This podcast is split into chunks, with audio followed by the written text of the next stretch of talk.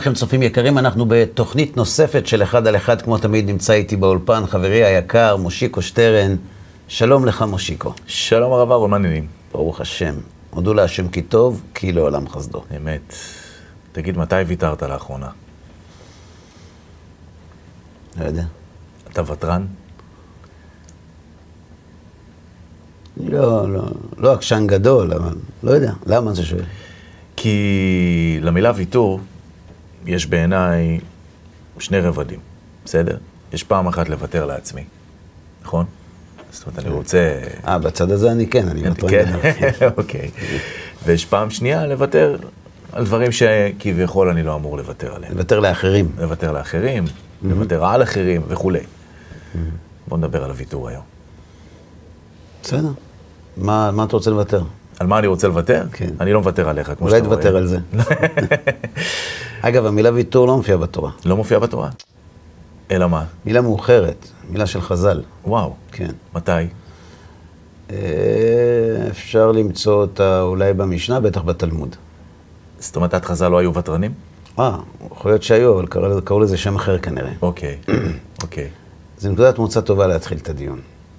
בעצם למה אתה רוצה לדבר על זה? כי זה משהו שמלווה אותי במהלך החיים, אתה יודע. כמו שאמרתי, בשני הרבדים, פעם אחת לוותר לעצמי, על דברים שאני אמור לעשות, או אתה יודע, יש את תכונת הדחיינות, יש את תכונת ה... טוב, לא עכשיו, וכולי וכולי. ויש את הוויתור ה... הידוע, הוויתור של, אה, נו, בסדר. אז עשה ככה וככה, ויתרתי, המשכתי הלאה. בוא נשאל אחרת. כן. למה יש אנשים שמוותרים לעצמם ולא מוותרים לאחרים? או, מעניין. זאת אומרת, אם אתה מוותר לעצמך, אתה מכיר את זה. זאת אומרת, אתה מכיר את התכונה הזאת, היא קיימת בך, השתמשת בה.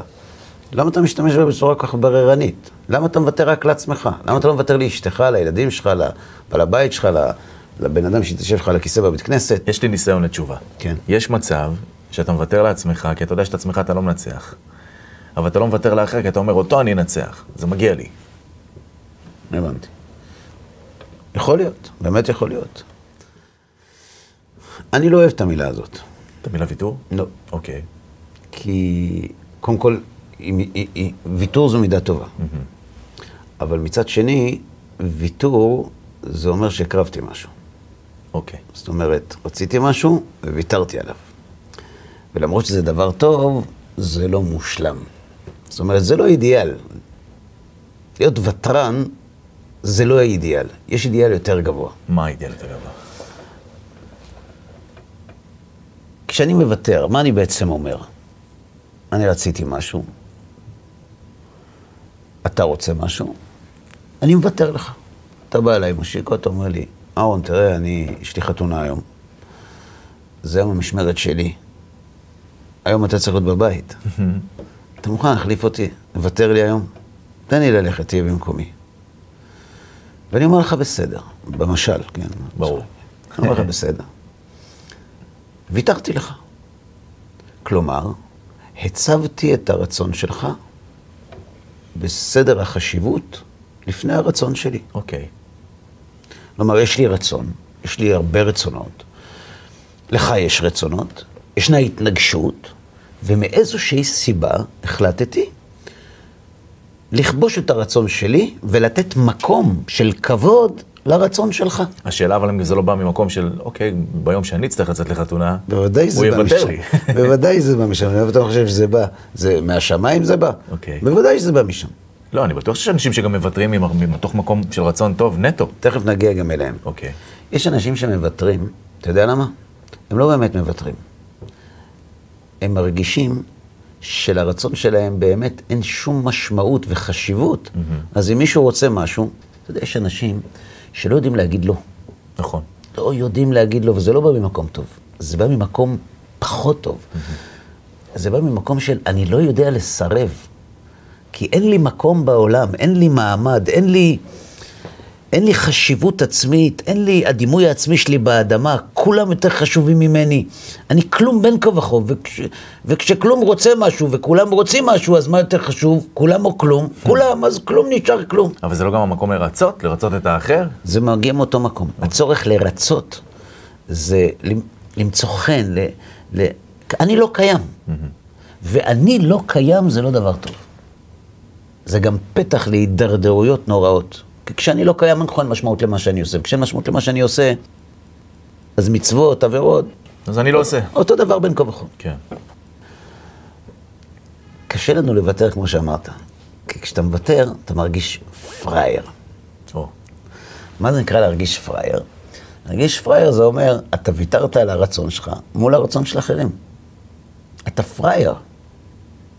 רצית משהו, אתה לא תעשה אותו בגלל שאנשים אחרים רוצים, אז אתה פראייר. מתי אני כן מוותר? כשאני לא פראייר. מה ההבדל בין פראייר ללא פראייר? מה? אם מרוויחים או מפסידים. כן.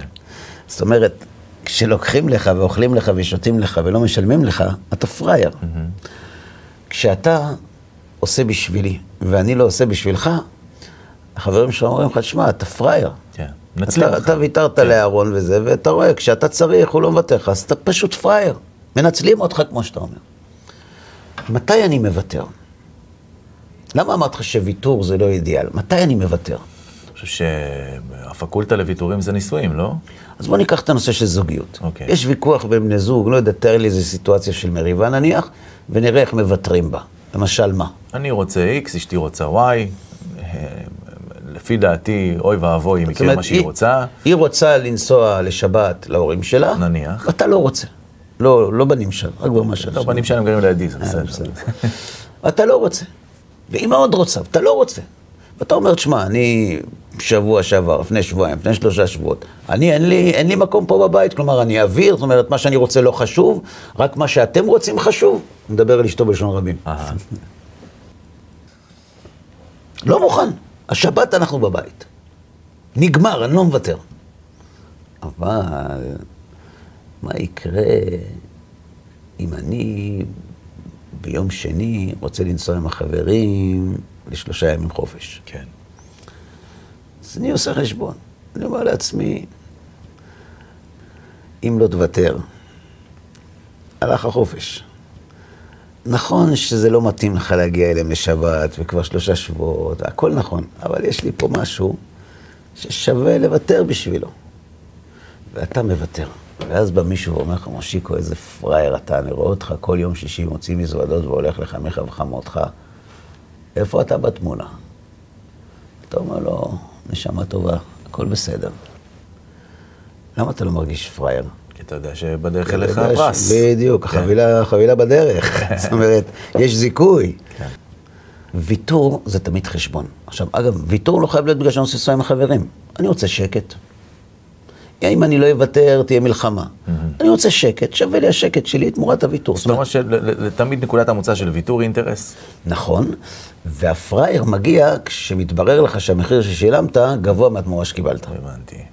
או שלא קיבלת בכלל תמורה. אז אתה מרגיש פראייר לגמרי. אוקיי. זאת אומרת שהוותרן והפראייר הם חברים מאוד טובים. פראיירים, כשהוויתור גילה שהמחיר היה גבוה, וותרן זה כשהמחיר שקיבלת היה זהה למחיר שחשבת שתקבל. אוקיי, אבל כל זה נשמע לי כמו דברים שהם ככה בעלמא, אצלנו, בעולמות שלנו, בחומר, באינטרס. אבל איפה נכנסת פה האמונה? הרי אני למדתי כל החיים, אתה יודע, מיטב הרבנים תמיד אמרו את הסלוגנים האלה, כל המוותר מרוויח יותר וכולי, אתה יודע. אני לא מכיר, אבל... שים לך סטיקר כזה באוטו. כן. אז ככה, תראה, יש שתי גישות. המצב הטבעי הוא, כלומר, בהגדרות יצרן, כשאתה מקבל את המכשיר, כן. זה שהטלפון שלך משבית את הטלפונים של כולם. זאת אומרת, כשאתה מדבר, אתה מקבל שיחה, כולם עוברים להשתק. זה המצב הטבעי. המצב הטבעי שאיתו האדם נולד זה שהוא מרכז העולם. היום גם אנחנו מפמפמים את זה לילדים, כן. הופכים אותם לנסיכים ו- וכו'. אבא וכולי. כן. אבל זה המצב הטבעי. זאת אומרת, אם אתה לא נוגע במכשיר, אתה מקבל רצון שחושב שהוא קודם לכולם. ואם ראית שלא, זה כי הוא מתכנן חשבון. זה כי הוא הולך להרוויח. אגב, זה לא רע, ככה חברה מתנהלת, שלי שלך ושלך שלי. זה, זה טבע העולם. כן. שלא לומר פוליטיקה. פוליטיקה, פ- פוליטיקה, פוליטיקה זה, זה, זה, זה פוליטיקה, זה, זו מערכת יחסים בין האדם לסביבה. כשזה בהנהגה זה פוליטיקה, כשזה ביני לבינך זה בין אדם לחברו, אבל זה גם פוליטיקה.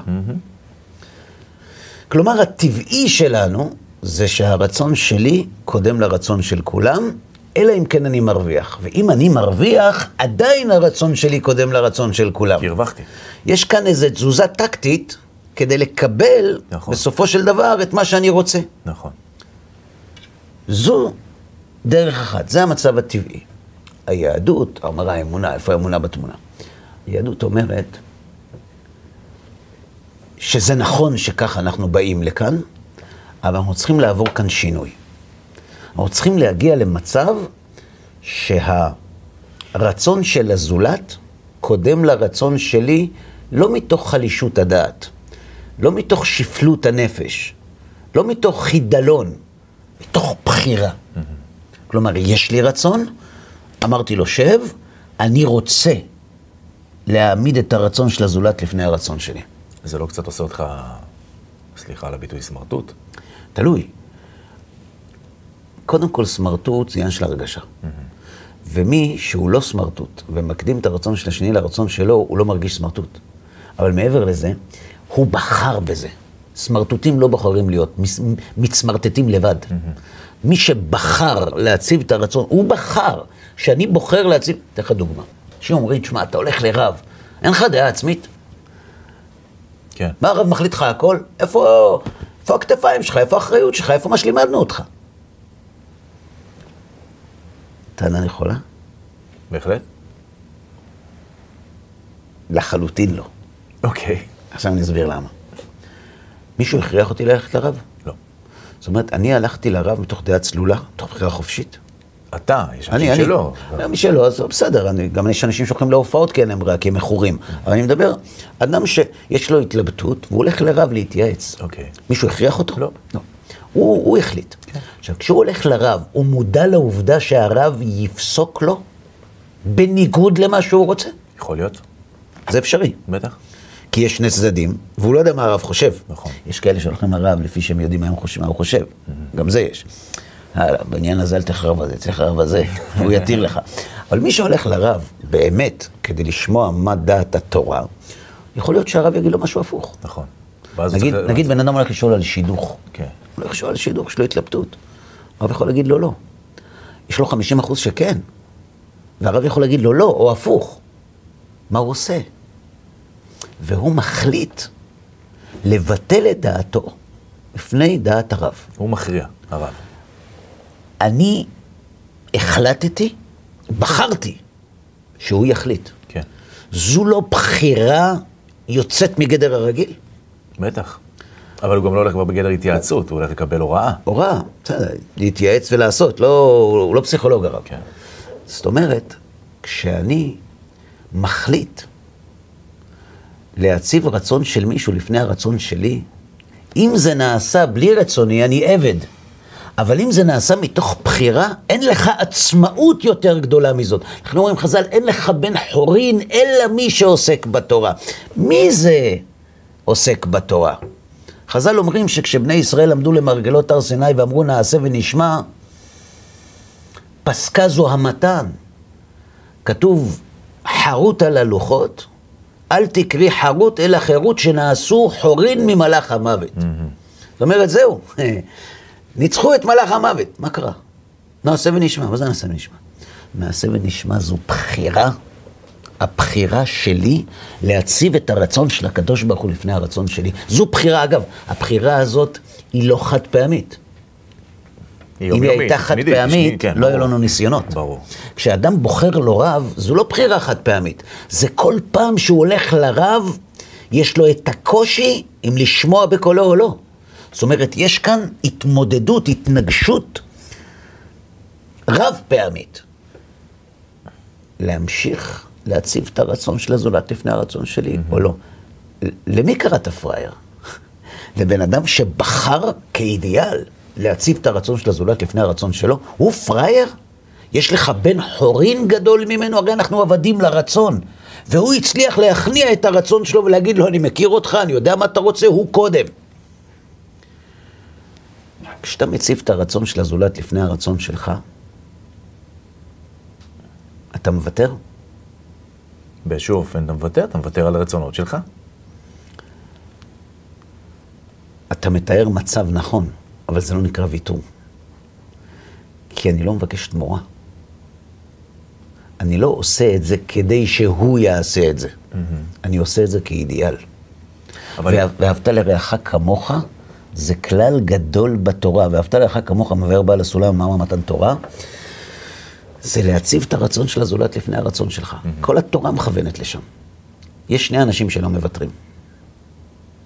מי? גאוותנים וענוותנים. עכשיו מה אתה רוצה? גאוותנים וענוותנים? כן, שניהם לא מוותרים. וואו, איך? לא רצית לשאול משהו? הגאוותן לא מוותר כי הרצון שלו תמיד לפני כולם. אוקיי. והענב לא מוותר כי הרצון של כולם תמיד לפני הרצון שלו. ומי שרואה אידיאל בלהציב את הרצון של הזולת לפני הרצון שלו, הוא לא מוותר. אמר לי פעם מישהו, אתה יודע כמה אני מוותר לאשתי? אהרון, אין לך מושג, אני סובל, אני כל הזמן מוותר לה. אתה אוהב אותה? הוא אומר לי, תגיד לי, אהרון, יושב לך בן אדם, אומר לך שכל החיים הוא מוותר לאשתו, אתה שואל אותו אם הוא אוהב אותה? אם לא הייתי אוהב אותה, הייתי מוותר לה? לא. אם היית אוהב אותה, לא היית מוותר לה. אני, מה זאת אומרת? תסביר. כשאתה אוהב את אשתך, מה קורה לרצון שלך? הבנתי, רצונה נעשה רצונך. רצונך נעשה רצונה, ורצונה נע... מתמזג ברצון כן. שלה. כשהרצון שלך מתמזג ברצון של אשתך, אז אתה לא מוותר. אתה לא מוותר, כי מה שהיא רוצה, אתה רוצה. אז אתה מסכים שהענב לא מוותר? כן, הגאוותן לא מוותר? ודאי. כי הוא קודם לכולם. אז על מי אנחנו מדברים בעצם? על כל השאר. אנחנו מדברים על אנשים גאוותנים שרוצים להיות ענוותנים והם נמצאים בדרך. אהה. המתמודדים בעצם, שזה כולנו. אנחנו, כן, אנחנו רוצים, אנחנו יודעים, אנחנו נולדנו על בורר של גאווה, רוצים להגיע לענווה, תכלית התורה, ואהבת לך כמוך. אתה, אתה זוכר שפעם באחת התוכניות סיפרת לי את הסיפור, שהיית שם ברמת גן, גבול גבעתיים, אה, גבול בני ברק, אה, בתור אה, תלמיד ישיבה נדמה לי זה היה, והיית רואה את כל החבר'ה עם האופנועים למטה ביום שישי, זה היה בישיבה בירושלים. בישיבה בירושלים, כן. וזה עשה לך הרגשתי רצון. שאני מוותר על משהו. נכון. כן. והלכת הרי להתייעץ, לקבל איזה סוג של דעת אה, כן. מרבך, נכון? עכשיו, כשבאת לאותו רבך, ואתה עם רצון של, אתה רואה את הילדים האלה עם האופנועים למטה, ואתה אומר, אני רוצה ככה. לא רוצה גם, אני יודע שהם נהנים. אוקיי, אני לא נהנה כמוהם. אני לא נהנה כמוהם. אני מרגיש שבשביל לפתוח דף גמרא בהיכל הישיבה, אני מוותר על מה שראיתי שם. והאם אתה גם סובל מהדף גמרא בישיבה? בטח שאני אני, אני לא נהנה. אוקיי. לכן אני מרגיש שאני מוותר. אם הייתי אוקיי. נהנה, לא הייתי מרגיש שאני אז מוותר. איך, איך הדבר הזה הופך להיות בסופו של דבר? מרצון ברור ומובהק, אני, מה שהם עושים, הם נהנים, לא אכפת לי מאופנועים או מפלייסטיישן. בסופו של דבר הם נהנים ואני לא נהנה מהדף גמרא שאני יושב מולו. איך יכול אותו רב, כבודו במקומו, לשכנע אותי להפוך את הדף גמרא הזה להנאה יותר מזה? הוא לא יכול. אז מה קורה פה? הרב לא יכול להפוך אותך לנה... ל... לאדם שנהנה מללמוד תורה. אבל הוא יכול להפוך אותך לאדם שמבין שלמרות שאתה לא נהנה, זה אמת וזה שקר. או, הוא לא יכול לתת לך חוויה. חוויה זה בא מבפנים. אתה לא יכול לגרום למישהו להתאהב, אבל אתה יכול להסביר לו בשכל שזה נכון וזה לא נכון. אבל אני לא יכול לדעת שזה אמת וזו שקר. לא שאלה חשובה. אני לא יכול לדעת שזה נכון, זה אמת. באמת הגמרא והלימוד והתורה זה אמת, אבל לא מתחבר. יפה. עכשיו, לכל אחד מאיתנו יש שני סוגים של צרכים. יש צורך באמת ויש צורך בנוחות, גם על זה דיברנו. נכון. אז מה שהרב עשה, הוא העצים בי את הצד של האמת, ונתן לי להבין שאם אני הולך אחרי הצד של הנוחות, כל החיים לא יהיה לי נוח. כי כל החיים אני אחיה עם רגשות אשמה ונקיפות מצפון. שלא הלכתי עם האמת. שמכרתי חיי עולם בחיי שעה, אז עכשיו אתה נהנה מזה. אבל עוד עשר שנים, מה אז יהיה? אבל שים לב, מה אמרת? מכרתי חיי עולם בחיי שעה, ויתרת תמורת אינטרס. נכון, הכל, מי, אני בישיבה הייתי, אני עד היום לא שם, אז אתה רוצה בישיבה, אני אהיה שם. אנחנו מגיעים ממקום של גאווה. רוצים להגיע למקום של ענווה. וכל החיים אנחנו בדרך. וכשאתה נמצא בדרך, אתה גאוותן שרוצה להיות ענוותן. וגאוותן שרוצה להיות ענוותן, הוא מתנהג כמו ענוותן, אבל הוא מרגיש מוותר. הוא רוצה להיות ענוותן, אז הוא מציב את הרצון של הזולת לפני הרצון שלו, ובגלל שהוא עוד גאוותן, הוא שואל את עצמו מה אני מרוויח. כן. ושם אנחנו נמצאים, בחדר חושך הזה. כדי לא להתבלבל, אנחנו צריכים לדעת מאיפה אנחנו באים, לאיפה אנחנו הולכים. יש לי לזה הוכחה. יש לזה הוכחה. בכבוד. מסופר בנביא על יפתח הגלעדי. יפתח הגלעדי היה גיבור חיל, הוא בן אישה זונה, אחים שלו הרחיקו אותו, אמרו לו, אנחנו לא- לא מתכבדים בך, אתה לא, לא מתאים לנו. כבשה שחורה, תלך מפה. כן. הוא הלך, והקים סביבו, כתוב, אנשים והתלקטו, סביב יפתח אנשים הקימו זאת אומרת, הוא הקים מיליציה, בסדר? ואז מגיעים בני עמון להילחם עם עם ישראל, ואין מלך בישראל, אין מי שינהיג. והמצביע היחיד באזור זה יפתח. אז אה, זקני גלעד מורידים את הראש, אין ברירה. אין ברירה, והולכים אליו, אומרים לו, בוא תציל אותנו. בוא תעזור לנו. אז הוא אומר להם, ואתם שנאתם אותי, ותגרשוני מאיתכם, ומדוע באתם אליי כאשר צר לכם? למה אתם באים עכשיו?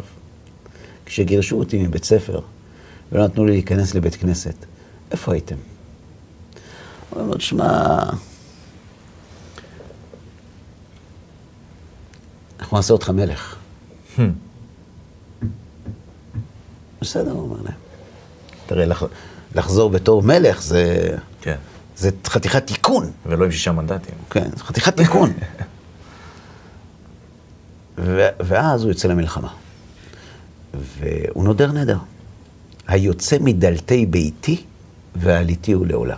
זאת אומרת, אם אני חוזר עם זר ניצחון מהקרב, מה שיוצא מפתח הבית שלי, אני מקריב אותו לשם. חז"ל אומרים על זה ביקורת. ואם יצא כלב? וכשהוא חזר, הבת שלו יצאה. אוי ואבוי.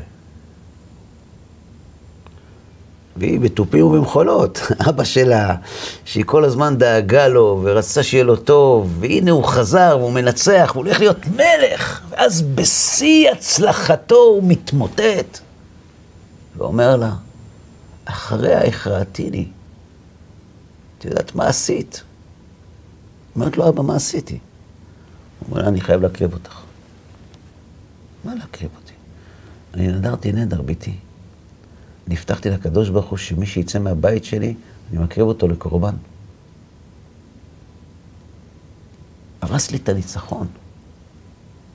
אז היא אומרת לו, אבא, אתה נודר על מה שכתוב בתורה. אין, אין ערך לנדר שלך. הוא אומר לה, למה? היא אומרת לו, כתוב בתורה, אדם כי יקריב מכם קורבן לשם. מן הבהמה, מן הבקר ומן הצאן תקריבו את קורבנכם. לא אדם. כלום התיר התורה קורבן אדם? אמר לה, אנוכי פציתי פי אל השם. אתה מבינה? זה לא נדר לבוחרים. אפשר לסדר. זה נדר לשם. לא אוכל לשוב. מילה זו מילה. אומרת לו, אבא, יעקב אבינו כשברח לחרן נדר נדר. אם יהיה אלוהים עמדי ושמרני בדרך הזה אשר אנוכי הולך ונתן לי לחם לאכול ובגל ללבוש. ושבתי בשלום אל בית אבי, והיה שם לי לאלוהים, וכל אשר תיתן לי עשר עשרנו לך. כלום עיסר יעקב אחד מבניו. הוא הקריב אחד. הוא אמר לו, אני אעשר מכל אשר תיתן לי. נכון. לא הקריב. אמר לה ביתי, אנוכי פציתי פי אל השם, לא אוכל לשוב. התחילה לדבר ברוח הקודש. וואה. אמרה לו, אבא, עתידה חנה לעמוד במשכן שילה ולידור נדר ולהבטיח להשם, אם רעו תראה בעוני אמתך ונתת לאמתך זרע האנשים, והשילתיהו לשם, והיה שם כל ימי חייו, ומורה לא יעלה על ראשו. חנה נודרת נדר שהיא תיתן לשם את הבן שייוולד לה. כלום תקריב חנה את שמואל? אמר לה, ואנוכי פציתי פי אל השם לא אוכל לשוב. אמרה לו, אבא, תנה לי שלושה חודשים, וירדה אל ההרים, ואבכה על בתולי, אני וחברותיי. תן לי, תן לי ללכת, להיפרד מהחיים. לרדת אל ההרים ולבכות על בתולי, אני וחברותיי. שואלת הגמרא, ארדה אל ההרים? אל ההרים עולים. Hmm. וירדה אל ההרים, אומרים חז"ל, אלו סנהדרין. אמרה לו, אבא, יש סנהדרין. אני אלך אליהם, הם יתירו לך את הנדר. זה בסדר? אמר, אם הם יתירו, זה בסדר. הלכה לסנהדרין. אמרו לה, אין בעיה, אפשר להתיר את הנדר. תגידי לאבא שיבוא, ואנחנו נותיר לו את הנדר. היא חזרה לאבא שלה, אמרה לו, אבא, הם אמרו שתבוא ותהיה לך את הנדר. אמר לו, למה? אמר ביתי, אני מלך. מלך לא הולך אצל סנהדרין. סנהדרין באים אצל מלך. או-אה. ובין כך לכך מתה ביתו של יפתח. אומרים חז"ל, לפי שלא היה בן תורה. לא הבין מה עושים באמת. לא יודע, לא יודע איך קשור בן תורה לזה, אבל זה מה שהם אמרו. זאת אומרת, יפתח היה מוכן שביתו תמות, והוא גם, והוא גם נפטר בצורה מאוד קשה, יפתח. בכל אופן, הוא היה שופט, אני צריך לדעת, אבל, אבל זה חז"ל אומרים. לפי שלא היה בן תורה, זאת אומרת, לא היו לו פרופורציות. הוא, הוא, בשבילו לרדת לסנהדרין הוא היה מוכן, אבל אם יתירו לך את הנדר, הוא היה מוכן. דוגמה נוספת מובאת במדרש מקום אחר. אחרי שנהרג שאול, כמה שנים אחר כך, מגיע אבנר בן נר, שר צבאו של שאול שעבר, לכרות ברית עם דוד. עכשיו צריך להבין, אבנר בן נר היה אחד המבקשים הגדולים ביותר את נפשו של דוד. כן. כי הוא היה שר צבא שאול. הוציא לפועל. כן. והוא מגיע לדוד לחברון והוא כורת איתו ברית, נותן לו את המלכות, ומאחדים את המלכות, ודוד כורת לו ברית שאף אחד לא ייגע בו, כאילו נותן לו, נותן לו סרטיפיקט כן. מלכותי. איך שהוא יוצא מחברון, נכנס יואב בן צרויה, שהיה שר צבא דוד. אומרים לו, מה, לא שמעת מי היה פה? המתחרה שלך. מי? אבנר בן נר היה פה. ומה עשה פה? אה, הוא בא לדוד, קראתי איתו ברית. נתן לו סרטיפיקט. רץ יואב לאבנר בן נר. פגש אותו, מה נשמע? בסדר, מה אתה עושה פה? באתי, יש לי פתק. אומר לו יואב, ליד השער הם עומדים. אומר לו יואב, מה אתם לומדים? הם היו תלמידי חכמים. אמר לו, אנחנו לומדים הלכות יבמה, הלכות חליצה. אמר לו, יואב בן צרויה, יש לי שאלה. גידמת, איך חולצת? אין לה ידיים. כן. כתוב וחלצה נעלו. אז היא ירקה בפניו, לא צריך ידיים. אמר לחלוץ את הנעל, איך? אמר לו עם השיניים, אמר לו תראה לי. התכופף אבנר, ואז הוציא יואב פגיון. ותקע בו בצלע חמישית, במקום שמרה וכבד תלויים בו. או-אה. הרג אותו. הבעיה היא שאבנר לא מת. חז"ל אומרים שאבנר היה גיבור. אבנר היה אומר, אם יש בית יד לעולם, הייתי מרימו. הוא היה גיבור. חז"ל אומרים, אדם שאומר לאשתו, הרי את מקודשת לי על מנת שאני גיבור, צריך להיות גיבור כמו אבנר. זאת אומרת, גם, מר עולם גם טוב. כשאבנר מרגיש שהוא תקע בו את הפגיון, נעל אותו. למה אתה הורג אותי? הוא שואל אותו. אז הוא אומר לו, כי, כי אני גואל אדם. גואל אדם ימית את הרוצח, כתוב. אתה הרגת את אחי. אתה הרגת את אחי. עשאל. עשאל היה אח של, של יואב. עשאל היה קל רגליים. מהיר מאוד. אוקיי. ועשאל רדף אחרי אבנר, להרוג אותו. ואבנר אמר לעשאל, תעצור, אל תרדוף אחריי. כי אם אתה תרדוף אחריי, אני אהרוג אותך. ועשאל המשיך לרוץ והוא הרג אותו. אמר לו, יואב, אתה הרגת את אח שלי. אני גואל אדם שלו. לכן הרגתי אותך. אנחנו פה על פי תורה מתנהלים, לא הפקרות. אומר לו, אבנר, נכון, אבל היה לי מותר להרוג אותו. אומר לו, למה? אומר לו, כי הוא היה רודף שלי. יש הלכה, מי שרודף אחר חברו להורגו, אפשר להרוג אותו. אני אמרתי לו, תפנה ימינה, שמאלה, שיחשבו שהלכת למקום אחר, שלא רדפת אחריי, שלא יהיו לך ביזיונות. הוא לא רצה, המשיך לרוץ, אז זרקתי אותו. אז איך אתה הורג אותי? אני, היה לי מותר להרוג את אח שלך. אומר לו, יואב, לא נכון. כתוב בהלכה, שמי שרודף אחרי חברו להורגו, מותר להורגו אם אי אפשר להצילו באחד מאיבריו. זאת אומרת, אם אתה לא יכול לתת לו מכה בברך, או אין ברירה, אז אתה יכול להרוג אותו, אבל אם אפשר להצילו באחד מאיבריו, למה הרגת אותו? אמר לו, כי הוא רדף אחריי, אני זרקתי את החנית אחורנית. כשאתה זורק חנית אחורנית, אתה יכול לדעת איפה זה יפגע? Hmm. הוא אומר לו, יואב לאבנר, מאיזה שבט אתה? בנימין. קולע אל הסערה, לא יחטיא. איך אני יודע שאתה צלף? לא רק כי אתה משבט בנימין, כי כשזרקת את החנית אחורה, אתה יודע איפה זה פגע? איפה שדקרתי אותך. במקום שמראה וכבד תלויים בו. וואה. היית יכול להצילו באחד מאיבריו, למה הרגת אותו? אז אני גואל אדם שלו, לכן הרגתי אותך. אומר לו אבנר, בסדר. לי אין גואל דם, אני גואל אדם שלי. Hmm. הוא רצה ללחוץ עוד קצת. וככה כשהם חבוקים זה בזרועותיו של זה, הם מגיעים לסנהדרין שבשער, לדין, אם מותר לאבנר להרוג את יואב. עכשיו אבנר גמור, זה עניין של עוד כמה זמן. כן. אמרו הסנהדרין לאבנר, אתה מת, ואם יואב מת, מי יצא ויילחם לפנינו? Hmm. הם לא אמרו לו, אסור לך להרוג אותו. הם אמרו לו, אולי מותר, אבל מי יילחם? הציבור פה יותר חשוב. מי יילחם? ויתר. שחרר אותו. זה לא ויתר על כסף. הוא כבר מת. כן. יש לו הזדמנות לקחת איתו את החיים של יואב. הוא משחרר אותו, אומרים חז"ל, לפי שהיה בן תורה. ידע את האמת. זאת אומרת, יש לנו כאן שתי דוגמאות תנכיות של יפתח הגלעדי, שלא היה מוכן לחזור בו מנדרו, למרות שסנהדרין אמרו שזה אפשרי, כי לא היה מוכן לוותר על כבודו של המלך. ויש כאן את אבנר בנר, שוויתר על הדבר האחרון בחיים שלו, בשביל עם ישראל. ועל זה אומרים חז"ל, לפי שלא היה בן תורה, ועל זה אומרים חז"ל, לפי שהיה בן תורה. מה זה קשור לבן תורה? מה זה בן תורה? מלומד. מלומד זה תלמיד חכם. אוקיי. בן תורה זה בן של התורה.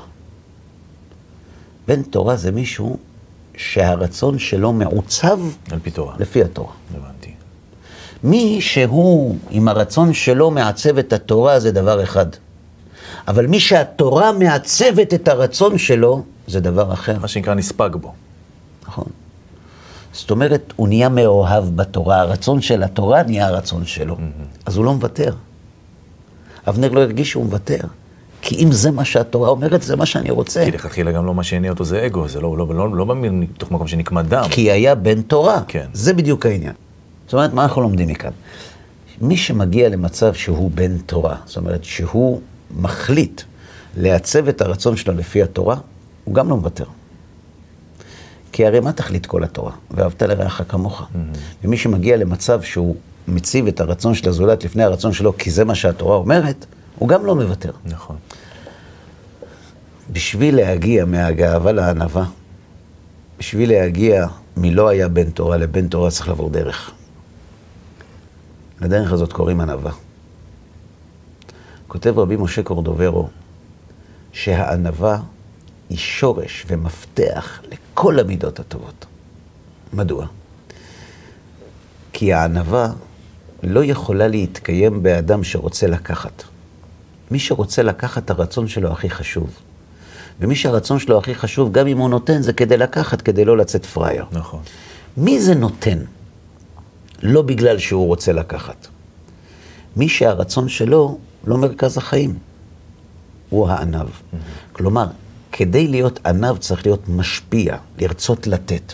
עכשיו, כשאתה שם את הנתינה כאידיאל, כל המידות האחרות שלך מסונכרנות לפי הענווה, לפי הרצון לתת. ובגלל שאתה בן תורה, אתה גם יודע מתי זה כבר פסול. נכון, ובגלל שאתה בן תורה, התורה מכוונת אותך ונותנת לך את הכוח להגיע לשם, כי בדרך רגילה אי אפשר להגיע לשם, כי אי אפשר להציב אידיאל את הענווה במצבה החמור, כפי שכותב בעל הסולם.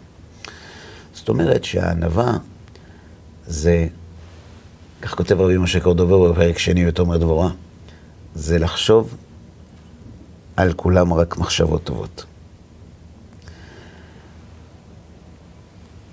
זה לדאוג כנגד המצח, לדאוג שכל סביבתך תהיה מרוצה. זה להאיר פנים לכל אדם.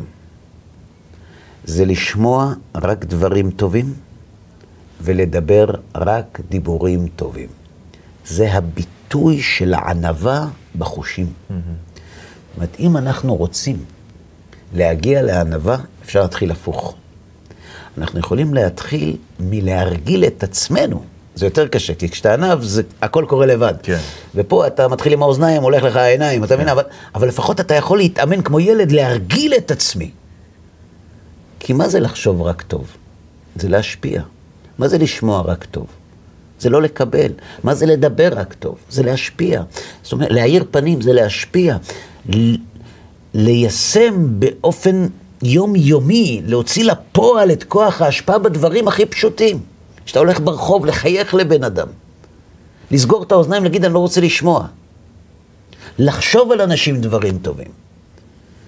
אלה הם תרגילים שהופכים את ההשפעה למשהו מוחשי שאנחנו יכולים להחזיק בו. ואז מגיעה הענווה. וכשאתה ענב, אתה לא מוותר. לכן שאלתי אותך למה אתה רוצה לדבר על ויתור. כי, כי הגאוותנים לא מוותרים והנבטנים לא מוותרים. אבל התברר שאתה רוצה לדבר על ויתור, כי כולנו בדרך. כן. כשאנחנו בדרך אנחנו מרגישים מה זה שאנחנו מוותרים. מוותרים המון, וגם לא רואים תוצאות. זאת אומרת, הוא הולך לחמי וחמותו שבוע אחרי שבוע, ו- וכלום. ואומרים לו, תשמע, אתה מפסיד את החיים, מה קיבלת? יותר טוב לך בגלל זה, יותר כסף לך בגלל זה, מה, מה יש לך יותר בגלל זה?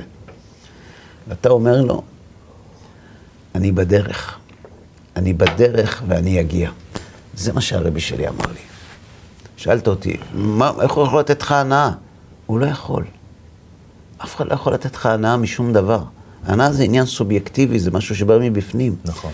אבל הרב יכול להגיד לך, תקשיב, תוותר.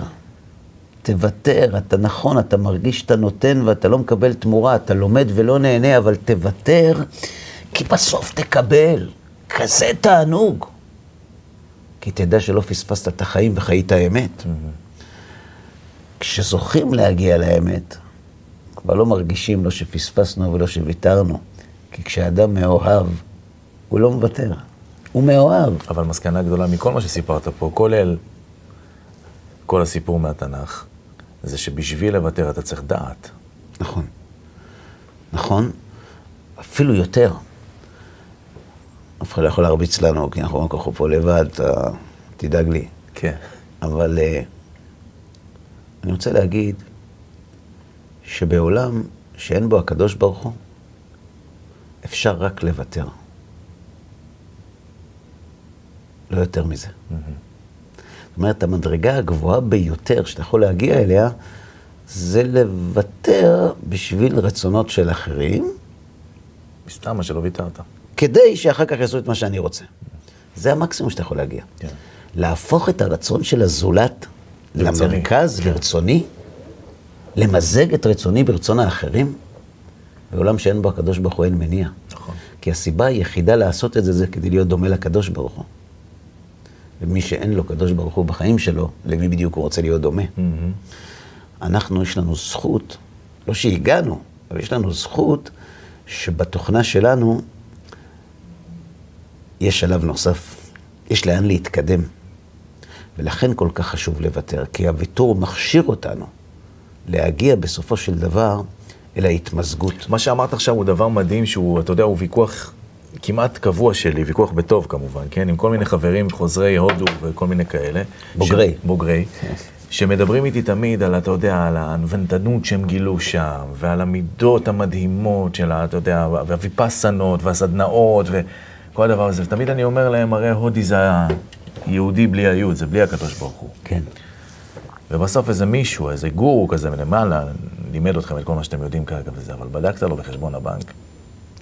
זה נכון, זה נכון, אבל, אבל גם אצלנו יש חשבון בנק, אבל אני רוצה להגיד לך, אתה, אתה אומר דבר נכון, אבל אני רוצה ללמד זכות. ההודים, האינטואיציה שלהם נכונה.